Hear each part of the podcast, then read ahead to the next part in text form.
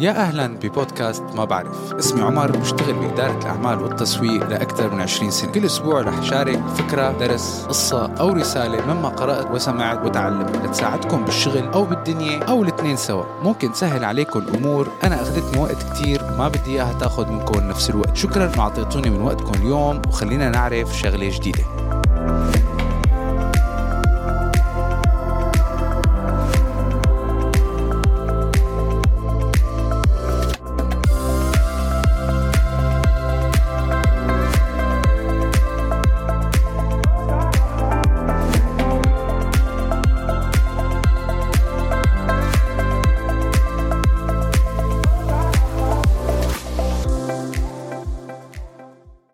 في كتير عوامل تلعب دور كبير بنجاح أو فشل أي مشروع مثل ما كلنا بنعرف مهما كانت فكرتك خلاقة أو مميزة. من هالعوامل الوقت رأس المال الجو العام للسوق الظروف الاقتصادية وشغلات كتير. هدول الظروف أحيانا بيعتمدوا على الحظ لأنه ما فيك تتحكم فيهم. جزء من هدول العوامل كمان بيكونوا نوع من الامتيازات. واحد بيكون عنده إياهم وواحد لا. الأفكار معباية عند الناس. وفي أفكار كتير حلوة. بس 70% من هاي الأفكار بحياتها ما راح تتطبق بسبب أنه أصحاب هالأفكار ممكن ما يكون عندهم امتيازات معينة لحتى يخلوا هالأفكار. مثلا مستحيل تقلي أنه شخص ما عنده أي نوع من رأس المال وضعه نفس الشخص اللي جاي من عيلة ميسورة والاثنين بدهم يبلشوا بفكرة ويعتبروا نفس الشيء. لذلك وهذا رأي شخصي اني أنا كتير أيام بستغرب من رواد الأعمال اللي بيكون عندهم كتير شركات وبيبلشوا يعطوا نصايح عن كيف تكون ناجح بعالم الأعمال. وأنا وأنت بنعرف إنه لما هو قرر يصير رائد أعمال راح لعند بابا أو ماما عطوه شي مئة ألف وقالوا له بلش. هون ما بدي تفهموني غلط. الله يوفقهم ويرزقهم أكتر وأكتر. وخليه يشرح لنا كيف بلش الشغل. بالعكس ممكن يكون عنده كتير أفكار رائعة كيف خلى هالشغل ناجح. بس ما يجي يحكي لي عن البدايات الصعبة للحلم لأنه هذا امتياز هو عنده إياه وكتير ناس ما عندهم إياه. ممكن وظف كبار الاقتصاديين ليعملوا له دراسة جدوى اقتصادية وهذا الشيء بكلف كتير. وهذا بعالم الأعمال اسمه unfair advantage أو الامتياز الغير عادل. ذكرتوني بشخصين بتابعون على السوشيال ميديا. واحد بعرفه شخصيا واثنين ما شاء الله يعتبروا من أكثر الناس ناجحين بعالم الأعمال. ودائما عم بيحكوا بمؤتمرات واجتماعات قديشهم هن رواد أعمال ناجحين أنا كتير بحب أسمع لهم لأنه عندهم أفكار حلوة كيف عم يديروا الشغل تبعهم. بس عتبي عليهم إنه ما تحكوا أبدا قديش بداياتكم كانت صعبة. لحققوا هالحلم لأنه الاثنين راحوا لعند الوالد الله يخلي لهم إياه طلبوا فوق المليون ليبلشوا الشغل. هون الشطارة اللي أنا جعبالي أسمعها منهم إنه عملوا شغل كتير منيح وإنه ما ضيعوا المصاري. وهذا بحد ذاته ميزة. ممكن ناس كتير تتعلم. بس ما تقول إنه بداياتها كانت صعبة. في كتير من هالميزات الغير عادلة بالسوق. ولكن هذا ما بيعني إنه ما ممكن لأي شخص يفتح مشروعه وينجح. كلنا بنعرف إنه لكل قاعدة شواذ. تعرفوا شو السر بهالموضوع؟ إنه كل واحد فينا في عنده الانفير ادفانتج تبعه. وشغلتك إنك تلاقيها تستخدمها لمصلحتك. بحلقة اليوم ونحاول نستعرض أفكار وأمثلة عن هالموضوع. بخصوص هالموضوع قريت مؤخرا كتاب اسمه الأنفير أدفانتج بيحكي عن هالموضوع بالتفصيل واليوم حناخد منه أفكار وشاركها معكم. وأول نقطة جدا مهمة بهذا الكتاب بيقول لك إنه أبدا مو الهدف التركيز على السلبيات بالعكس الهدف هو إنك تعرف الواقع والمعطيات اللي بين إيديك وتحاول تستخدمها لصالحك. فحضروا ورقة وقلم وخلونا نبلش. أكبر تحدي إنك تبلش شركة أو عمل خاص وتخليه ينجح ويشتغل.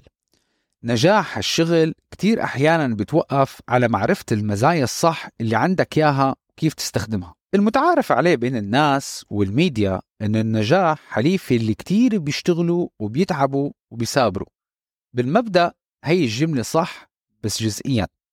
ولكن ما بتعطي الجواب الكامل والوافي إنه هي الطريقة الفعالة لحتى تأسس أي شغل. كتير شركات ناشئة بتفشل مو لأنه أصحابها ما اشتغلوا أو ما أخذوا الموضوع على محمل الجد ولكن هي الشركات بتفشل لأنه أصحابها ما عرفوا يلاقوا نقاط القوة تبعهم ويستخدموها. حتى أيام بيكون عندهم ميزات ما بيعرفوا إنه هن عندهم إياها من الأساس. الكل بس يبلش أي شركة بيركز على الفكرة والخطة وبينسوا إنه المصاري خلفية الأشخاص اللي أسسوا الشركة الموقع الجغرافي والتوقيت هي كلها عوامل بتلعب دور كتير كبير بنجاح أو فشل أي شركة كيف؟ على سبيل المثال الفرص المتاحة لخريجين جامعات مثل هارفارد وستانفورد أكيد ما لها متوفرة لخريجين الجامعات العادية أو الصغيرة أو الجامعات اللي بالبلاد الفقيرة أي طالب إذا إجا من عائلة غنية احتمالية نجاحه أكبر من طالب إذا إجا من عائلة متوسطة أو فقيرة.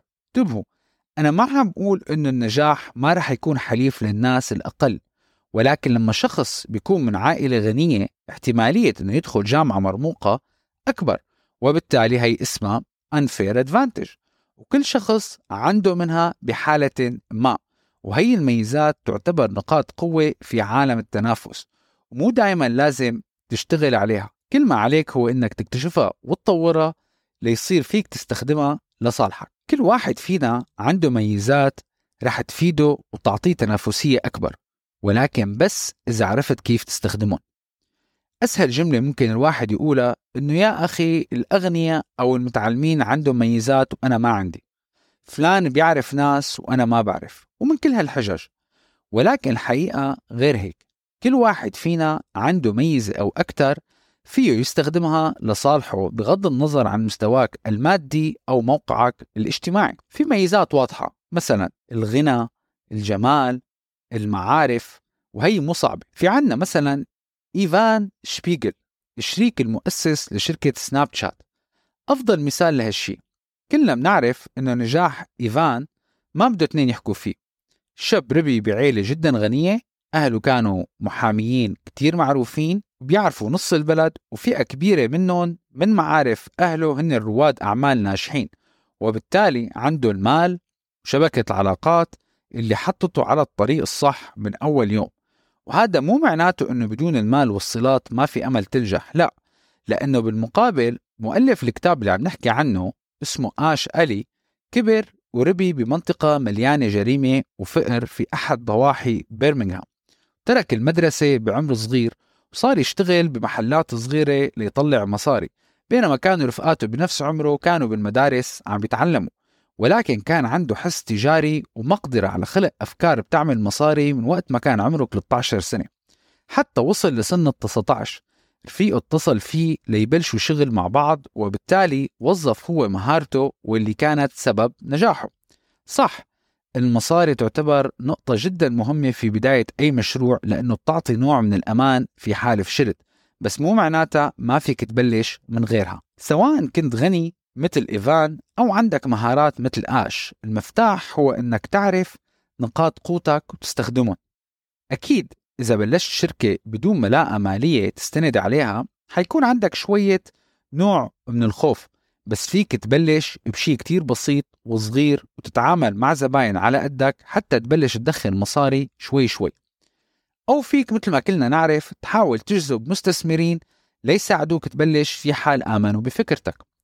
بهي الحالة ممكن أنت تطلع على حالك شو في مهارات عندك إياها ممكن تساعدك تعمل مصاري على جنب لحتى تقدر تحقق وتفتح شغلك. أي مهارة عندك إياها الناس اللي حواليك ما عندهم إياها ممكن تكون مصدر دخل إضافي. فعود فكر وشوف شو في عندك شيء تضيفه لتساعد الناس. وأنت تعتبر حالك خبير بهالشي أنا متأكد رح تلاقي على الأقل مهارة ممكن تساعد الناس وتضيف لقوته الذكاء كتير أكثر من إنك تكون خبير بمهارة معينة وخاصة في مجال الأعمال. كلكم تعرفوا المقولة الشهيرة إنه الواحد ما بس لازم يكون ذكي بالدراسة والجامعة كمان لازم يكون ذكي بالحياة. كتير ناس كانوا book smart بس ما كانوا street smart وبالتالي للأسف فشلوا. وأكبر مثال على ذلك هالقصتين اللي حقلكم إياهم. الأخين كوليسون اللي عملوا شركة سترايب واللي هي شركة تخدم قطاع المدافيع والمعاملات التجارية على الإنترنت. لأنه كانوا من هن وصغار بيمتلكوا المهارات الأساسية ليكونوا رواد أعمال وعرفوا يستخدموها وهي طبعا كانت نقاط قوتهم صاروا من أصحاب المليارات وهن لساتهم بعمر المراهقة. مشان هيك ذكائهم خدمهم وعرفوا يوظفوا المهارات اللي عندهم.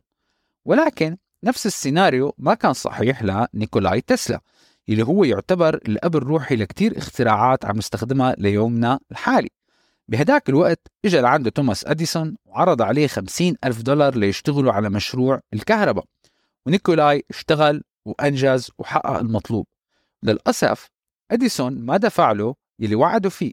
طبعا تسلا لا طالب بحقه ولا عمل أي شيء وبالتالي طلع آخر شيء كل شغله ببلاش. واشتغل على كتير مشاريع وصار معه نفس الشيء ومع ذلك مات فقير معتر لأنه ما كان عنده مهارات العمل والشغل كيف يدافع عن حقه. كلنا بنقول إنه طيبة القلب مهمة وحسن الظن بالناس وما حدا بيحب إنه حدا يظلمه. بس لما بتتعرض لهيك مواقف لازم تعرف كيف تتصرف وكيف تحصل حقك. مقدرتك على فهم الواقع المحيط وتحليل المعطيات ومحاولة حل المشاكل تعتبر من المهارات اللي جدا مهمة. وأحيانا بتكون أهم من المليارات كلها اللي ممكن تكون معك. لأنه التحليل الصح هو اللي يمكن, يمكن يكون أساس الشركات كتير ضخمة. تريستن ووكر كان عنده مشكلة بشعر دقنه. كان دائما يصير معه حساسية من الشفرات ويصير معه جروح. بالسوق ما كان في أي منتج ليتغلب على هالمشكلة. هذا الشيء خلاه إنه يحاول يلاقي حل للمشكلة تبعه وأسس شركة ووكر and كو المتخصصة بالمنتجات للناس اللي عندهم بشرة حساسة. الشركة انشهرت لدرجة إنه شركة بروكتر and جامبل اشترتها. بعدين تحط حالك مكان الزبون المستهدف وتعيش حياته وتفهمها كمان شغلة كتير مهمة لأنه بتساعدك تكتشف كتير شغلات. ويل شو المدير التنفيذي لشركة ديليفرو أدى تسع شهور كموظف ديليفري وحيد بهالشركة الجديدة ليفهم أساسيات السوق تبعه. هالشي ساعده يفهم كل التحديات والصعوبات اللي عمال التوصيل بيواجهوها. والزباين شو بدهم؟ وكيف بيطلبوا الأكل؟ ووين؟ طبعا هالشي ساعده يفهم ديناميكية السوق أكتر. كلنا بنعرف شوفوا ديليفرو هلأ وين صارت. عندك فكرة بدك تأسس شغل عليها؟ ما بدك مئات الألوف لتعمل market research كل اللي عليك إنك تقضي وقت مع الفئة المستهدفة وتتعلم وتعرف شو هن عاداتهم وحتكتشف كتير أشياء. الموقع والتوقيت من أهم المقومات الأساسية لبناء الشركات الناشئة ونجاحها. أنا متأكد إنكم كتير سمعتوا من أصحاب شركات بيقولك شركتنا نجحت لأنه بلشنا بالوقت الصح أو البلد الصح. بعرف إنه هذا الشيء ما فينا نسيطر عليه مية بالمية. ولكن لازم تاخذ هي العوامل بالحسبان. أكبر مثال سيليكون فالي. الغني عن التعريف. هذا المكان اللي كان بداية انطلاق لكتير شركات ضخمة تسوى مليارات مثل جوجل أبل وفيسبوك. أكيد ما لها صدفة إنه كل هدول الشركات بلشوا بهالمكان. وكتير شركات كل يوم بتبلش وحلمها تبلش بسيليكون فالي لأنه الموارد البشرية والتقنية والمادية على أعلى مستوى. يا ترى لو واحدة من هدول الشركات بلشت ببلد غير هالبلد وغير السيليكون فالي. هل كانت كبرت بالمستوى اللي هلأ هي عليه؟ أكيد لا. وأكيد في عنا بعالمنا العربي كتير أماكن بتوفر هيك أجواء وعليك أنت تدرس السوق وتشوف أي مدينة هي الأنسب لنوع الشغل اللي أنت بدك تبلش فيه. مثال من عالمنا العربي على أهمية الموقع لإطلاق الأعمال. هدى قطان يلي هي ورا شركة هدى بيوتي. استراتيجيتها جدا مهمة ولعبت دور كتير كبير بنجاح شركتها. هدى درست بأهم مدارس مستحضرات التجميل بلوس أنجلوس واشتغلت مع مشاهير كتير كبار في عالم الجمال مثل إيفا لانغوريا ونيكول ريتشي. ولكن لما أطلقت الشركة انتقلت لدبي. ليش؟ لأن المستحضرات تبعها اللي بتستهدف المرأة العربية بالشرق الأوسط وأسلوب الحياة بدبي خلى المكان هو الأفضل لإطلاق الشركة. عامل تاني كتير مهم لنجاح أي شركة في, بدا في بداياتها غير الموقع هو التوقيت. كتير أفكار رائعة ممكن تفشل بسبب التوقيت الغلط. بيل جروس صاحب شركة ايديا لاب بيقول لك لاحظنا من كل أفكار الشركات الناجحة ويلي بينت إنها ناجحة العامل الحاسم كان التوقيت. مثال دروب بوكس عندهم ملايين المستخدمين بس هن ما أول شركة بلشت هالفكرة. في شركة تانية حاولت بالتسعينات بس فشلت ليش؟ لأنه بهداك الوقت الإنترنت ما كانت سريعة بالشكل الكافي لإطلاق هيك خدمة وبالتالي التوقيت كان لسه كتير بكير على هيك شيء. جيل أول كان دائما يقول الدراسة والجامعة أهم شيء لأنه هي الطريق الوحيد لتأمن العمل المناسب. بعدين طلعت موجة الجامعة كذبة كبيرة ونصبة وفيك تشتغل وتصير صاحب أعمال وما بدك جامعة. أنا لا مع هاد ولا مع هاد. لأنه الجامعة بتعطيك كتير شغلات غير الدراسة والكتب والسبب هي شبكة العلاقات اللي الواحد فيه يعملها بالجامعة. مثلا إذا واحد عنده المقدرة المادية إنه يدخل على أحد أهم الجامعات بالعالم أكيد رح تتعرف على ناس حتأثر على مسيرتك المهنية. ولذلك معظم الناس اللي بيدرسوا ماسترز ما بيفوتوا كرمال الشهادة قد كرمال العلاقات اللي ممكن يخلقوها. ولكن في حال ما كان عندك المقدرة إنك تدخل بأهم عشر جامعات بالعالم وهي حقيقة. ثلاث أرباعنا ما بيقدر يفوت على هالجامعات بسبب التكاليف. هون بتجي أهمية المعلومات والمعرفة. بدكم تميزوا بين المعلومات والتعلم وبين المنظومة التعليمية. ممكن الحالة الاقتصادية تمنعنا نكون بمنظومة تعليمية عالية ولكن ما بتمنعك تتعلم. في فرق في حال قضيت وقت كتير بقراءة وتعلم مادة ما أنت أكيد حتكون صرت خبير فيها بدون منازع. أنا بعرف شخص يعتبر من أهم الناس بعالم التصميم والجرافيك وهو ما معه شهادة جامعة. كل شيء تعلمه بالبيت من الإنترنت. هذا الشخص ساعته بتوصل ل 300 دولار. هي حق الخبرة مو حق الشهادة. إذا حبينا نلخص كل ما سبق بجملتين كل شخص فينا عنده ميزة عن غيره وفيه يستخدمها لتخدمه. مهمتك تعرف هي الميزة وتعرف كيف تستخدمها صح. بدك تبلش بشيء بلش بالموارد اللي عندك هلأ وبعدين فكر كيف بدك تتعلم اللي ناقصك أو تجمع اللي ناقصك وأكيد فكرتك حتشوف النور. بأمان الله. شاء الله تكونوا انبسطتوا بحلقة اليوم. حتى موعد الحلقة القادمة فيكم تسمعوا حلقات السابقه وكبسوا ال subscribe على أي منصة عم تسمعوا هالحلقة مشان توصلكم الحلقات أول بأول. وإذا حبيتوا المواضيع اتركوا review على المنصة واكتبوا لي شو حبيتوا أكثر شيء بحلقة اليوم. لا تنسوا تشاركوا الحلقة مع الأصحاب وإذا بتحبوا تراسلوني على الإيميل أو على أي منصة من منصات التواصل الاجتماعي. هلأ صار الوقت لتكملوا يومكم بتمنى لكم النجاح وبأمان الله.